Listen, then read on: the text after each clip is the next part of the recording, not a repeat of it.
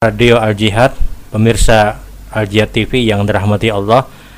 Kembali pada kesempatan hari ini insya Allah kita akan menjawab pertanyaan yang sudah dihadirkan. Assalamualaikum warahmatullahi wabarakatuh. Waalaikumsalam warahmatullahi wabarakatuh. Ustadz, di dalam hadis Nabi menuntut ilmu agama itu hukumnya wajib.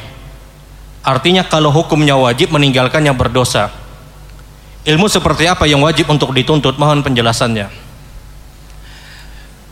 Talibul ilmi fariyadatun ala kulli muslim wa muslimah kata Rasulullah.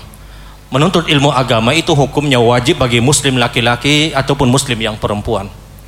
Ilmu seperti apa yang diwajibkan kepada kita untuk harus kita mengetahuinya. Untuk mengilmui diri kita. Yang pertama adalah berkaitan dengan keimanan kita kepada Allah, ilmu tauhid. Ilmu mengeskan diri kepada Allah. Ilmu mengetahui bahwasanya beribadah hanya kepada Allah doa hanya kepada Allah, menyandarkan urusan kita hanya kepada Allah. Ilmu berkaitan dengan bahaya-bahaya syirik. Ilmu yang berkaitan dengan pembatal-pembatal ketauhidan kita kepada Allah. Ini wajib harus diketahui. Kemudian yang kedua, ilmu apa yang diwajibkan oleh syariat kepada kita semua? Ilmu semua ilmu yang berkaitan dengan kewajiban kita kepada Allah sebagai seorang muslim. Salat yang lima waktu, dari subuhnya kita zuhur, asar, maghrib dan isyanya kita kita harus tahu bagaimana cara sholat subuh, bagaimana zuhurnya kita, bagaimana asarnya kita, maghrib dan isyanya kita. Kenapa? Karena itu kewajiban, maka ketika itu kewajiban, mengilmui pada sebuah kewajiban hukumnya wajib. Sholat yang lima waktu. Artinya, pengetahuan kita berkaitan dengan sholat duha, apakah hukumnya wajib, tidak wajib? Karena duha bukan dihukumi wajib. Ilmu apa lagi yang wajib kita ketahui dari seluruh kaum muslimin? Semua kewajiban seperti puasa Ramadan misalnya. Dia harus tahu seperti apa cara berpuasanya Nabi Shallallahu Alaihi Wasallam.